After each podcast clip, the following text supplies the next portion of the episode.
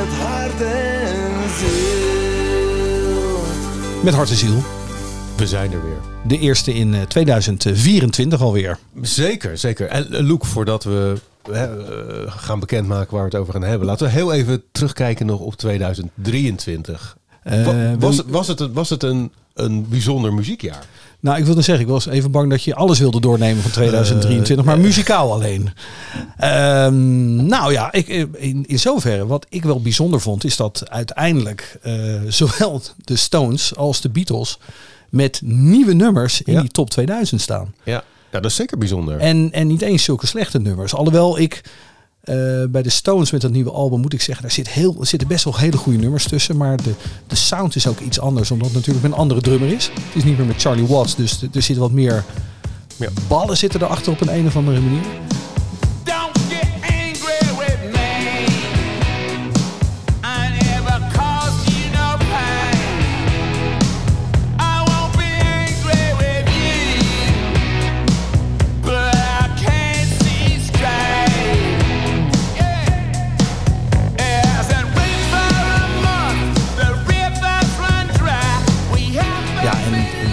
Magistraal wat de Beatles gedaan hebben met Now and Then. ja, ik, wil- ik wilde jou vragen van, heb je, een, heb je een voorkeur? Maar ik geloof dat ik die al hier gehoord heb bij je.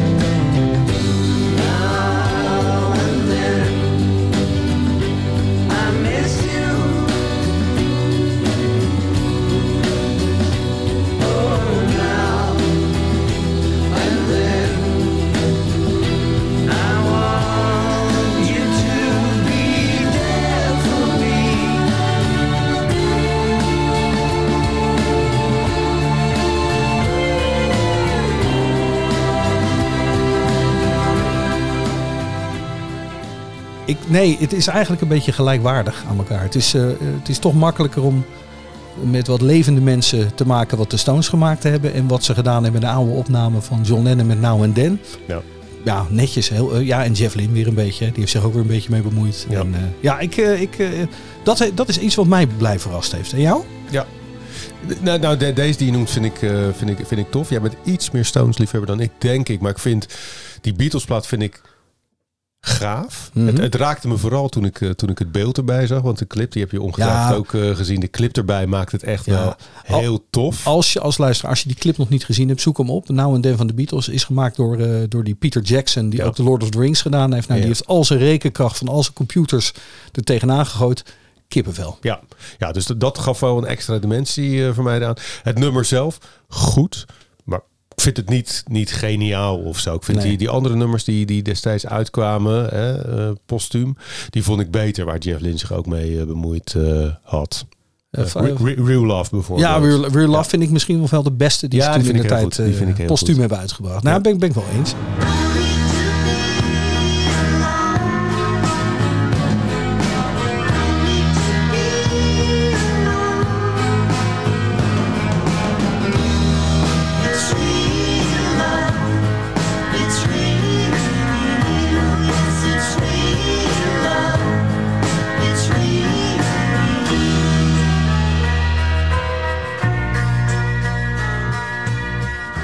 En we hebben natuurlijk al wat, eh, wat dooien gehad, helaas. Heel veel doden. Heel veel doden. Eh, Sinead. Ja, was toch wel degene die het hardste binnenkwam. Ja. Gewoon eh, voor, voor mij. Do you remember that sunny day? Somewhere in London, in the middle of nowhere. Didn't have nothing to do that day. Shane, McGowan, maar ja, die liep toch al op die laatste benen. Die was er die. Diep respect voor de afgelopen 40 jaar dat hij dat nog volgehouden heeft. Absoluut. Eh, toch een van de beste liedjeschrijvers ooit. You got a way of walking. You got a way of talking. And it's something about you.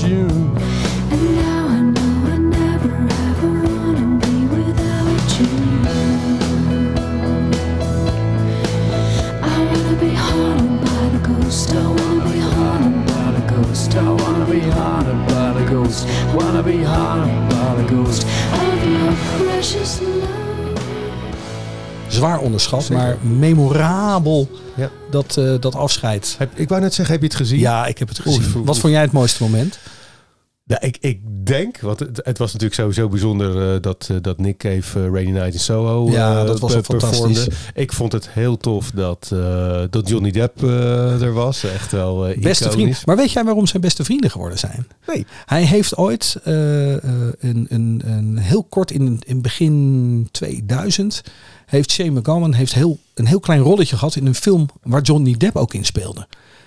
Alleen die scène heeft het nooit gehaald. En daar is een vriendschap ontstaan. Dus dat is een vriendschap die al meer dan 20 jaar bestaat. Oh, grappig. Ja, want ik weet wel, je hebt op een gegeven moment ging Shane uit de Pokes. En toen Ja. startte hij zijn nieuwe band en het waren de Popes. En daar is ook een clipje van dat Johnny Depp ook gitaar speelt eh, Ja. bij een van die, eh, van die, eh, van die nummers. Ja. Dus, eh, maar deze twee momenten vond ik niet het hoogtepunt van de uitvaart. Ik vond het echt het mooiste. En volgens mij, heb, heb- als Ja. jij nu gaat zeggen... Ja, Ja, dus het, eh, Fair- dus- fair- ja, fairy tale? fa- fairy tale. Ja. Want, want, ik- want, want het was een hele lange dienst. En ik had op een gegeven moment iets van... Ja, doe niet, niet de fairy tale. Want het is echt het, het kerstliedje. Misschien maakt het ook iets cheaper of zo om te doen. Maar Ja. hoe ze het deden, was het toch enorm tof. Maar toen dat moment kwam... Dat er gewoon flink gewalst werd daar rondom die kist. Maar- ik vond dat zo bijzonder. maar sowieso de opbouw al. Eh, ik kan de naam van die zanger kan ik even niet... eh, ja, Niet, eh, er waarschijnlijk een hele bekende eer te zijn. Niet Ja. voor mij, ik ken hem Nee. niet. Maar die staat er dus te zingen. Je hebt de zangeres waarmee de Pokes en Sean McCollum de laatste jaren dat nummer gezongen heeft. Die zong het mee, want Kirsty McCall is natuurlijk ook overleden. Eh, die is overreden door een jetski. De Pokes erbij ook. Allemaal, eh, die stonden er helemaal naast. Nou, en toen Fairy Tale of New York.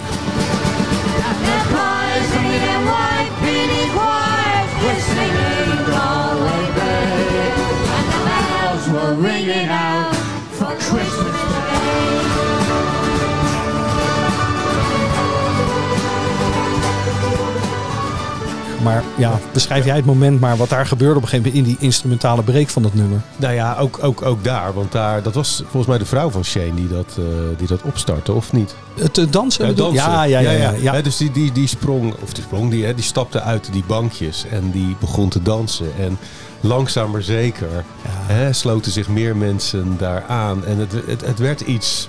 Ja, er werd Ja. gedanst rond de kist van Shane McGowan en dat was fantastisch. vreugdevols. Het was, Ja. was, was, ja, het was heel bijzonder. Het, eh, het, ik. ja, ze zeggen wel eens van het, een, begrafenis kan het eh, vieren van het leven zijn. Nou, Ja. dat werd op dat moment daar echt gedaan.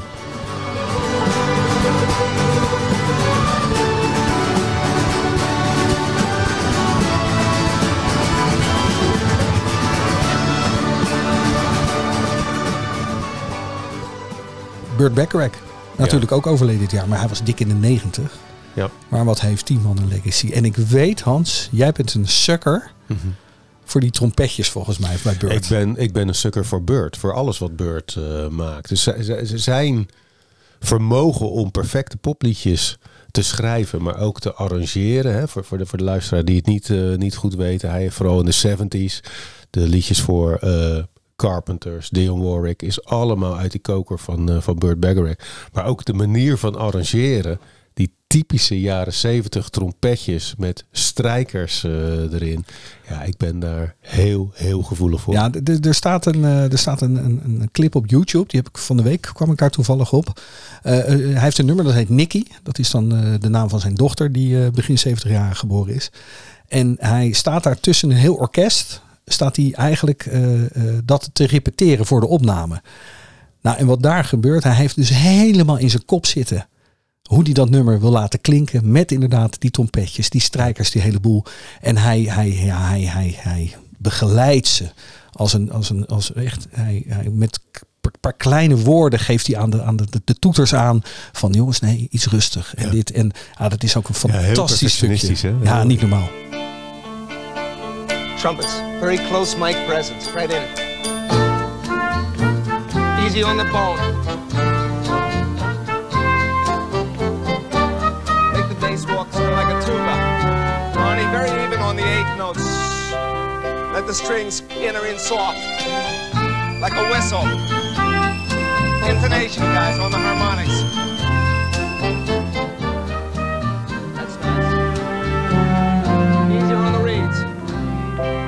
send off.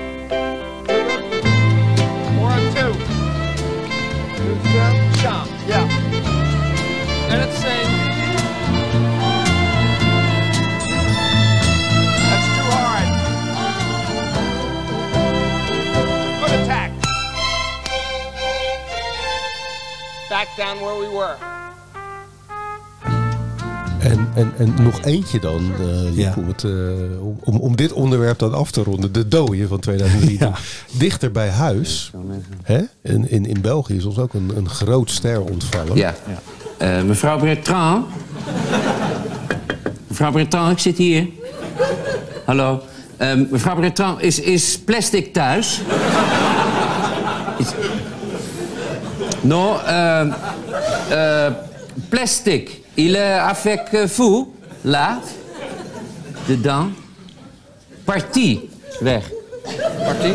Ja. Lou de Prijk, hè? Ja, Lou de Prijk, hij is die weer. Ja, nee, want eh Lou de Prijk, ehm, ehm, die is de originele zanger van eh Sans Plan Pour Moi. Ja. Want iedereen dacht dat die, die springveer die in de clip zat, dat die het zong. Nee, gewoon Lou de Prijk. Ja. Is eh, ons helaas ontvallen. Ja, hij is meer dan dat. Hè. Hij, is ook, eh, hij is ook van Lou en de Hollywood Bananas. Dat is waar, ja.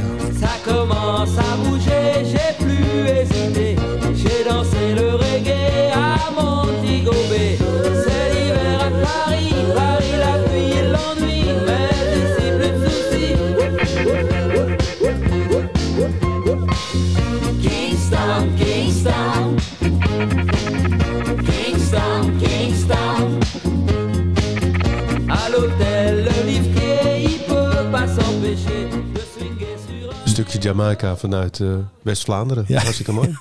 Dat was Lou. Met zijn Hollywood bananen. Goeie titel wel hoor voor een band. Jazeker. Lou en de Hollywood bananen. Ja.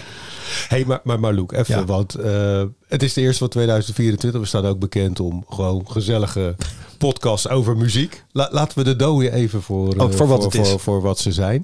Andere, hè, we hebben de Beatles en de Stones genoemd. Waren er nog andere voor jou muzikale... Wat waren hoogtepunten in 2023? Hadden, hadden we bijzondere nummers? Wat ik wel bijzonder vond is inderdaad gewoon het, het succes van Taylor Swift. Ja. Buiten kijf natuurlijk dat een hele goede eh, zangeres is en eh, songschrijver ook. En, en performer. Die heeft natuurlijk die, dat gigantische, die gigantische concertreeks gedaan waar ze alle records mee eh, verbroken heeft. De 1 miljard, 1 miljard dollar al opgehaald op dit moment. Echt bizar. Daar doet U2 twee jaar over. Ja. Heeft zij gewoon in één jaar voor elkaar gekregen. Eh, maar qua liedjes. ehm, nou ja, ehm, eh, wat mij verbaast, of misschien ook wel niet, dat is dat eh, Stiekem van Maan en Goldband, dat dat zo'n grote hit geworden is. Meest gestreamde hit in Nederland.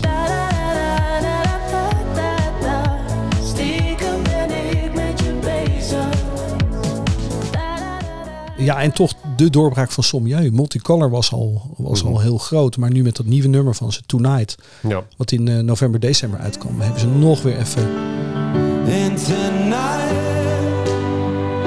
if you're a little down and so am I, side by side, we'll make it to the morning light. It's alright. If you're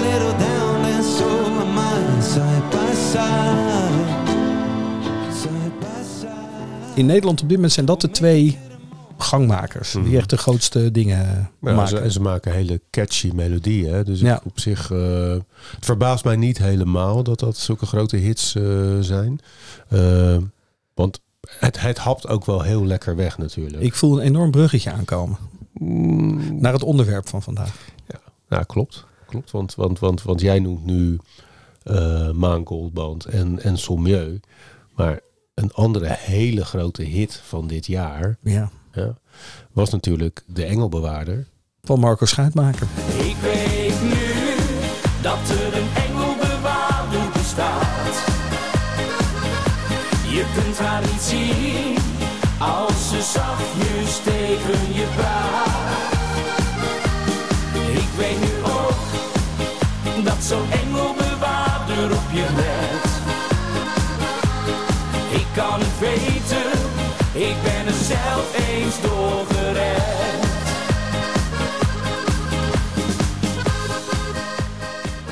En nu denkt hè, de angstvallige luisteraar... shit, ze gaan een uur lang over De Engelbewaarder praten. Dat klopt. Inderdaad, dat is juist.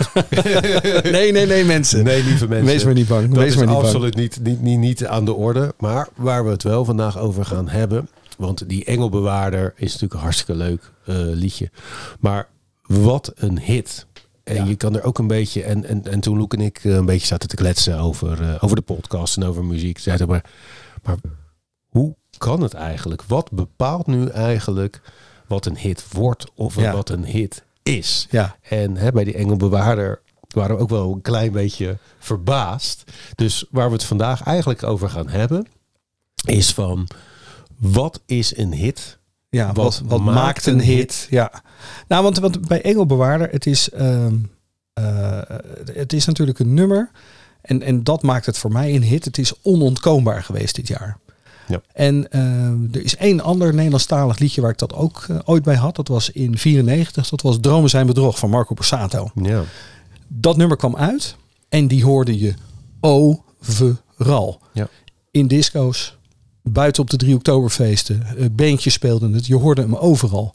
En het werd ook door iedereen. Iedereen vond het ook goed. Hè? De high culture, low culture. Iedereen vond het fantastisch. Mhm. Engelbewaarder. Idem dito. Ik moet eerlijk bekennen. Ik vind het een heerlijk catchy nummer. Ik snap waarom iedereen het leuk vindt. Ik weet nu dat er een engelbewaarder bestaat. We kunnen wel duizend hits noemen misschien. Hè? En, de, en de vraag is eigenlijk, voordat we deze podcast starten, want anders wordt het een hele lange. Wat is het? Wat, wat is nou de definitie van een hit? Oeh. Ma- eh, Laat ik even uitgaan van de Engelbewaarder, van Engelbewaarder, van Marcus Schuitmaker. Een hit is natuurlijk, hè, een hit is raak, een mis is mis. Iedereen vindt dit leuk. Ja. En ik denk dat iedereen het leuk vindt, omdat er zit een stampende beat achter. Dus op ieder feest, een partijtje en wat dan ook, kan die, eh, kan die gedraaid worden. Want als je het origineel hoort, die laat ik zo meteen even een stukje van horen, is in, op niet te vergelijken met dit. Maar daar zit wel het melodielijntje al in, wat heel erg lekker is. Ja. Want het is natuurlijk een original is van, eh, van onze vader, van Pierre Cartner. Niet onze vader hoor, wij hebben andere vaders, maar van Pierre Cartner. Eh, die heeft het geschreven. En waarom is dit dan zo'n hit? Omdat er toch iemand bedacht heeft van kom, laten we er eens gewoon een lekker toegankelijke beat onder zetten. Met eh, het, dat, dat melodietje wat erin zit even lekker aandikken. En dan gewoon een gezellige gast die op 100% eh, TV Oranje eh, Ja. het heel leuk kan doen. Ja. Dus ben jij benieuwd naar het origineel? Ja, nou, Dat is, namelijk van, dat is namelijk van onze Belgische Mieke. Oké.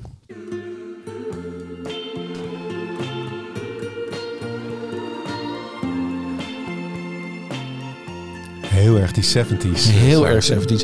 Als je de hoes ook ziet van het plaatje, dan zit ze daar een beetje defocus in het struweel, in het groen. Oh ja. Eigenlijk, eh, ja, ja, die, die, die hoezen hadden wij er heel veel van Ja, hè? thuis vroeger. Duizenden strepen, duizenden bomen.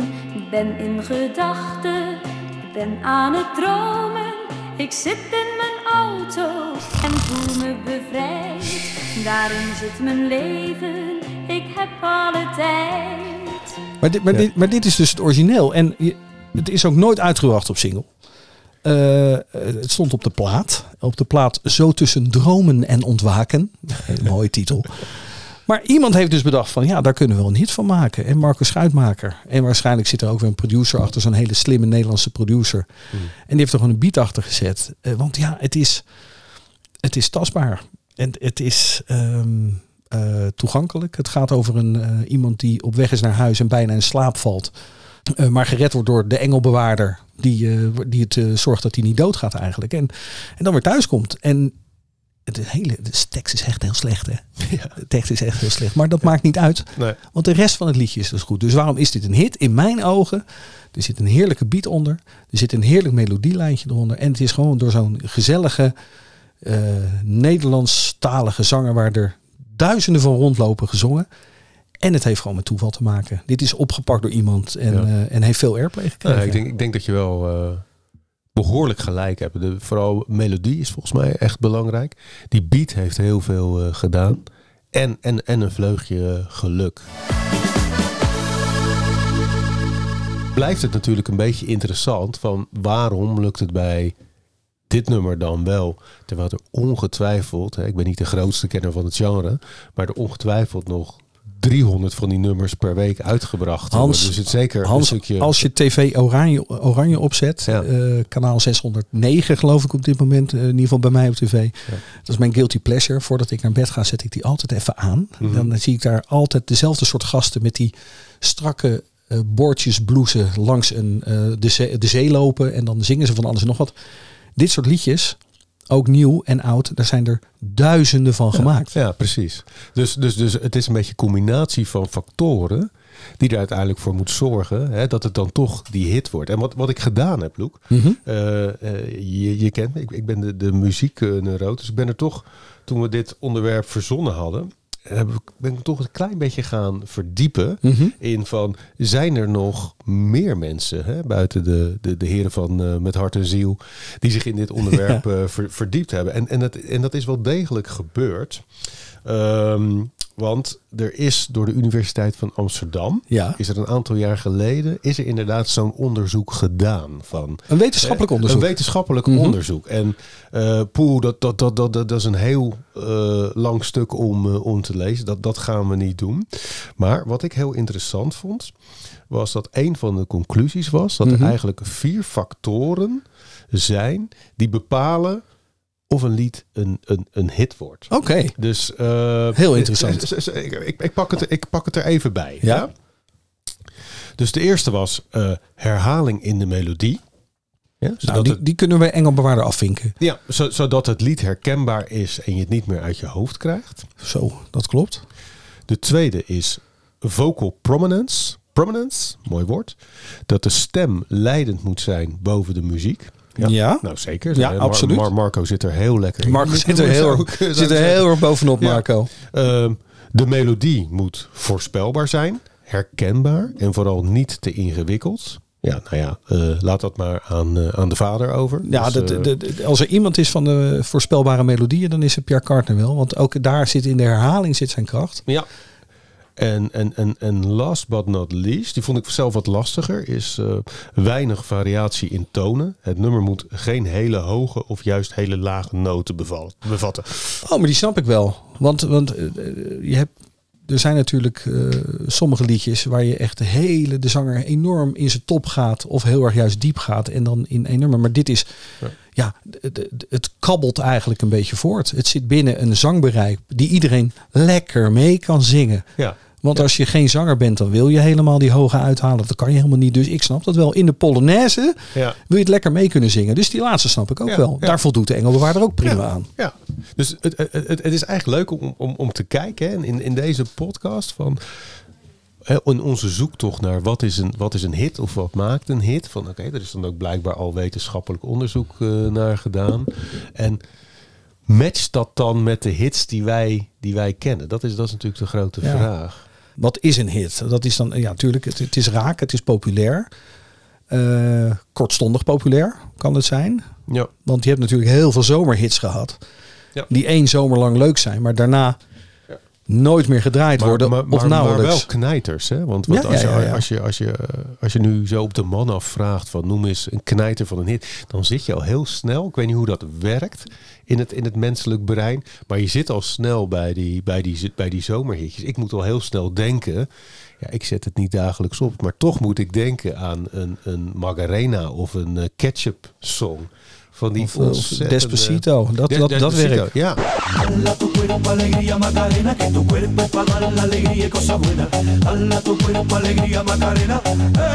Macarena,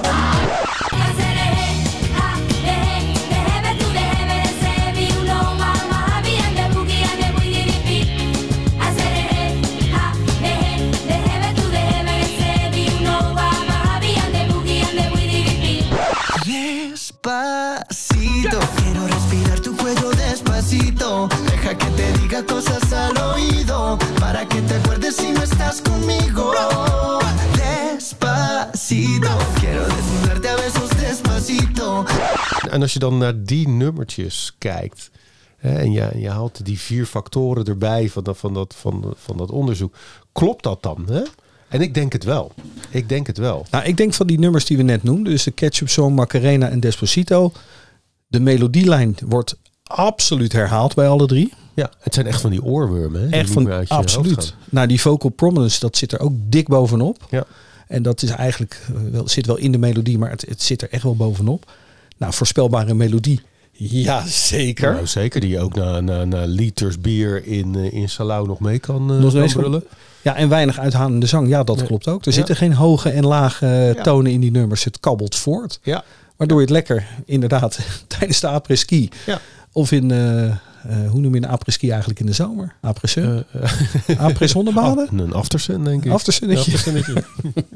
Hem ook nog lekker mee kan zingen.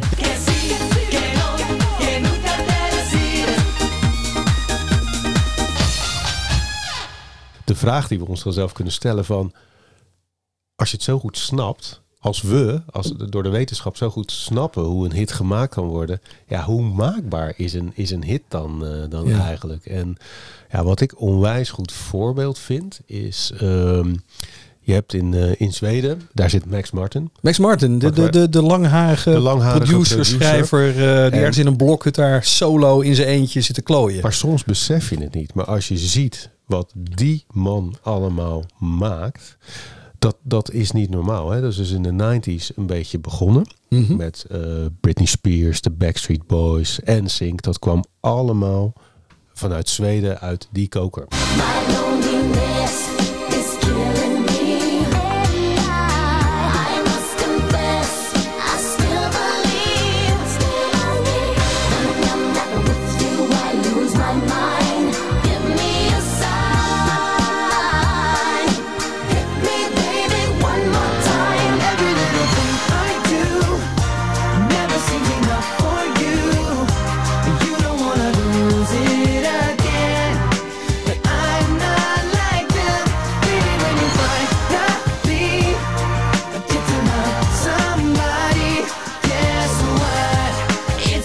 Be me.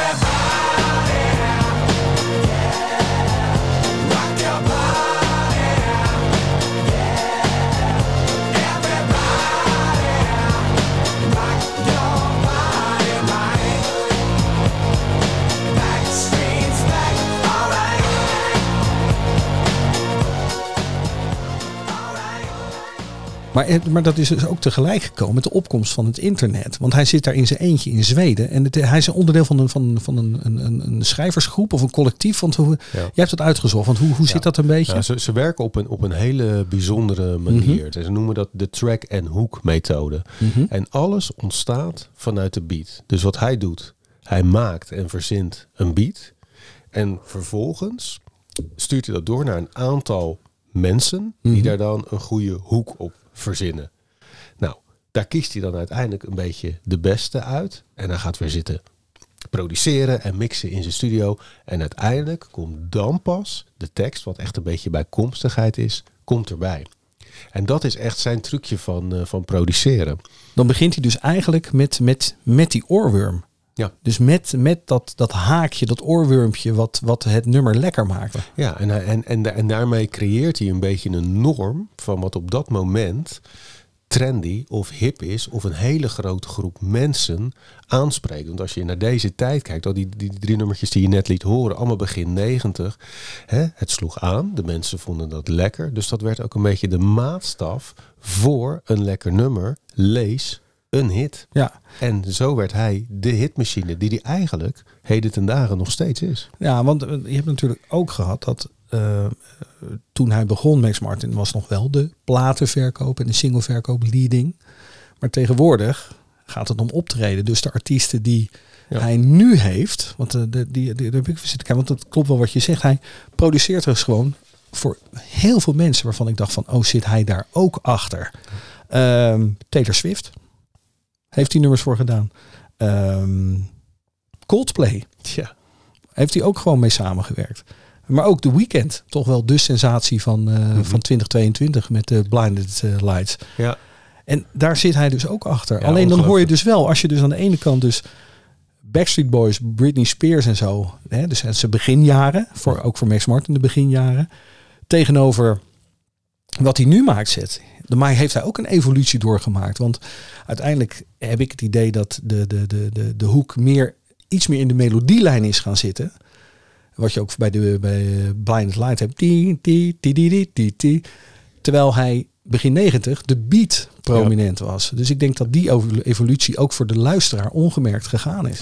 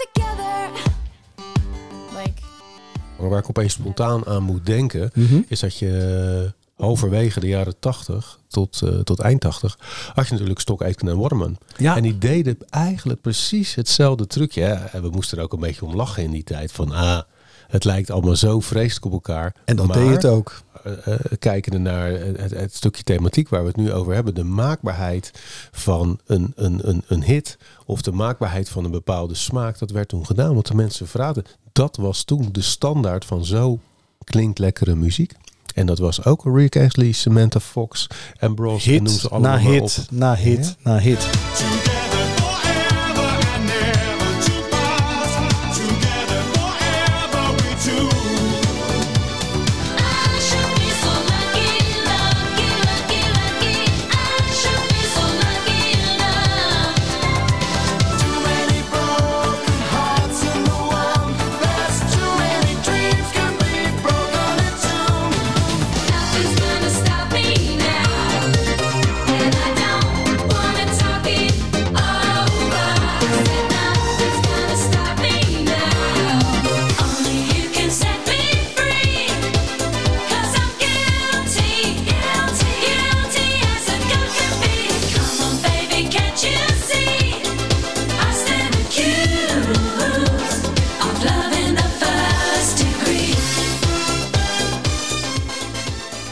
Over Zweden gesproken. Kan je die wetenschappelijke theorie ook loslaten op ABBA? Hm, goeie vraag. Herhaling melodie? Ja. Jazeker. Vocal prominence? Uitstekend. Dames, vocal prominence, dames ja. liggen de voorspelbare, voorspelbare melodie? Ja. Absoluut. Weinig uithalen in de zang? Mhm. Ja, ook. Ja. Hoe je ook went of keert, de dames gingen niet heel hoog of heel laag. Nee.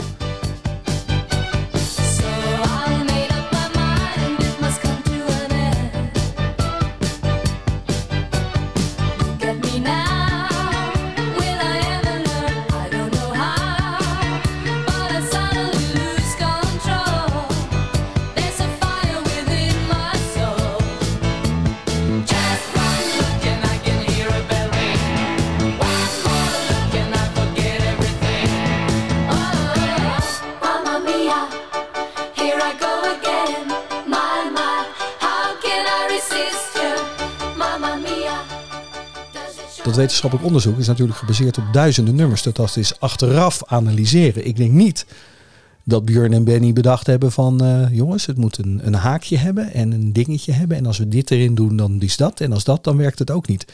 Dat moet toch vanuit een, muzikale, een muzikaal brein ontstaan zijn.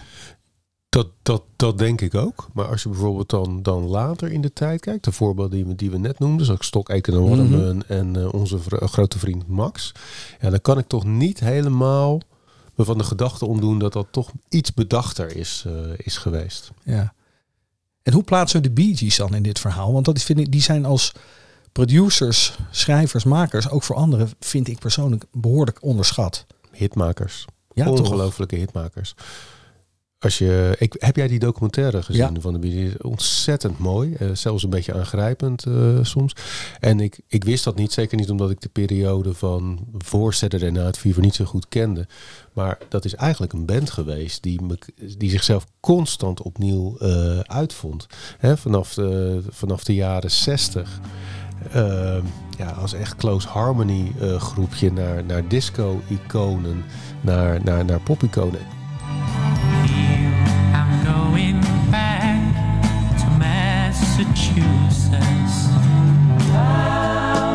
Stop the sun from shining? What makes the world go round?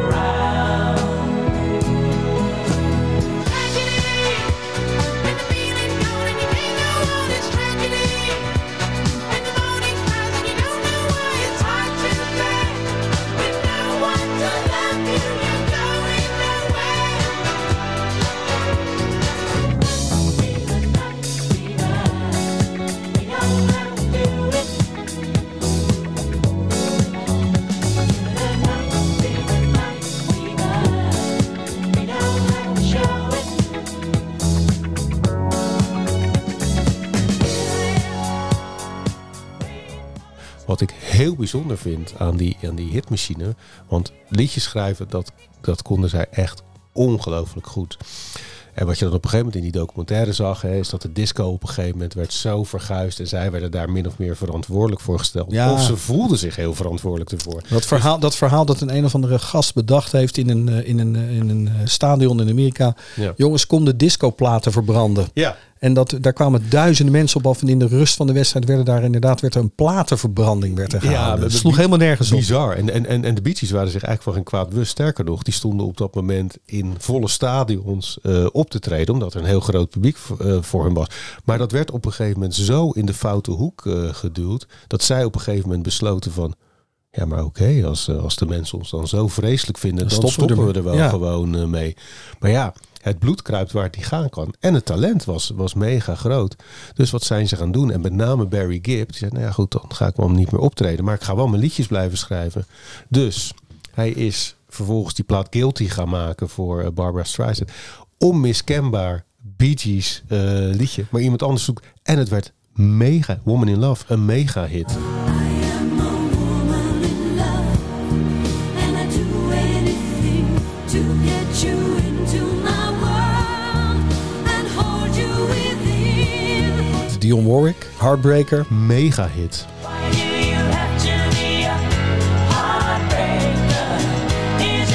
Lesson that I never knew? Diana Ross, Chain Reaction. Mega hit.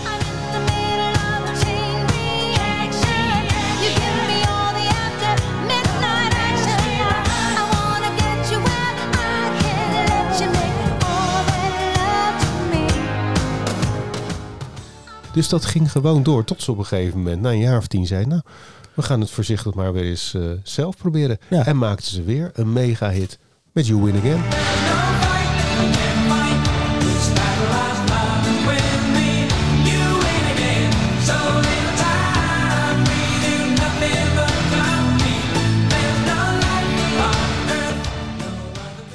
Maar het mooie is dus dat als zij het alleen voor zichzelf gehouden hadden, al die nummers, voor Barbara Streisand, Diana Ross en Dion Warwick, had het waarschijnlijk niet allemaal hits geweest. Want nu kon je het bij diverse mensen kon je het kwijtraken. Dus je kon eigenlijk het hele jaar in die hitlijsten staan als Bee Gees op de achtergrond. Ja.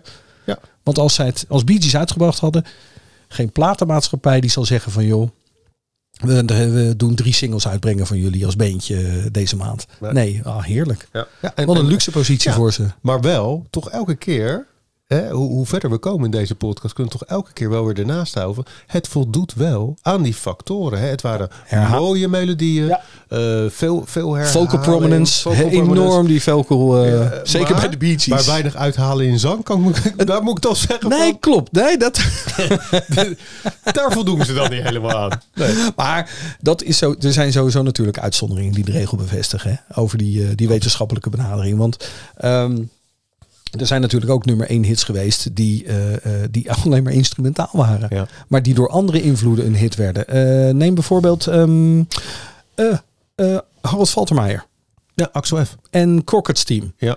Dat kwam alleen maar omdat het in Miami Vice zat, in die serie, Ja. dat het een hit werd. Want anders had je nooit van die nummers gehoord en zou het nooit zo populair geworden zijn. Want ja, er zit wel een, een herhaling in de melodie in. Vocal prominence is niet aanwezig. Eh, voorspelbare melodie, ja, na twee keer heb je het wel ge- gezien.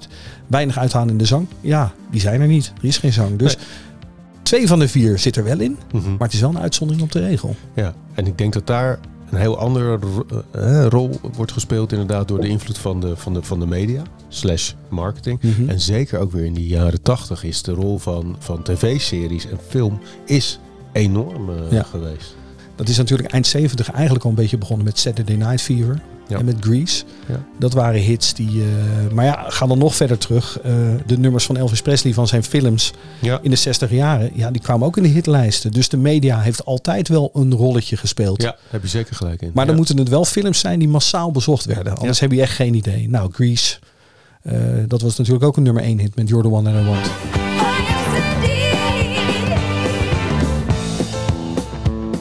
Even nog voortbedurend op dat filmverhaal. Games. Vlak games niet uit. Want ik heb heel vaak, eh, dan draai ik een, eh, ben ik een liedje aan het draaien. Of staat de Spotify aan of de radio staat aan. En dan hoor ik van, eh, van mijn zoon hoor ik van, oh, die zit in Grand Theft Auto. Ja. Of die zit in Assassin's Creed. En dat zijn dan Imagine Dragons. Die verkopen dan hun Ja. liedjes ook aan een spel waar het in zit. Dus ook op die manier krijgt de jeugd inderdaad weer nieuwe liedjes mee. Ja. Maar of het dan een hit, ja, Nou ja, of, of, of weer een hit wordt. Hè. Ik bedoel, eh, eh, wij horen onze kinderen af en toe ook praten over, Ja. over liedjes van hoe ken je dat in godsnaam? Ja.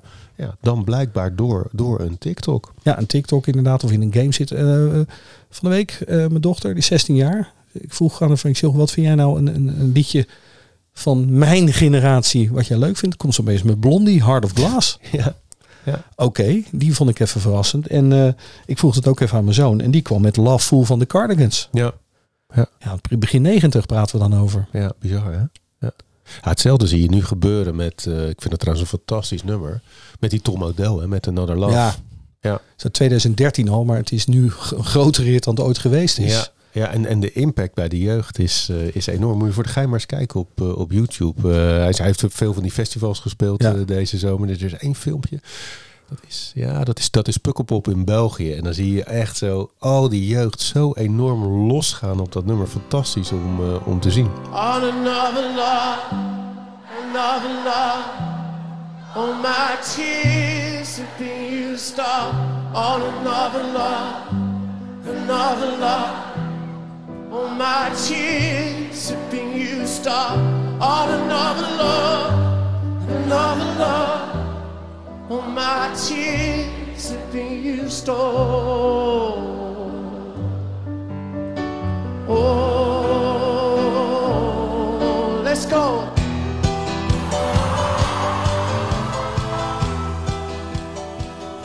En hoe komt het dan dat dat opeens weer zo enorm populair is? Ja, maatschappelijk hè. Maatschappelijk. ja. Maatschappelijk. Want de, de- volgens mij begon het al met de onderdrukking van de vrouwen in Iran. Dat er daar een soort van protestlied voor werd. En toen kregen we natuurlijk de inval van Rusland in Oekraïne. En Ja. het is ook verwoorden tot een protestlied. Of een, een lied van hoop Ja. voor de Oekraïners. Ja. En nu, want hij trad dit jaar dan ook op bij het, eh, bij het Glazen Huis. En in België heb je ook een soort Glazen Huis, zo was het ook. Dus Ja. ja, ja. Ja interessant hè, hoe, dat, hoe dat gaat. Ja.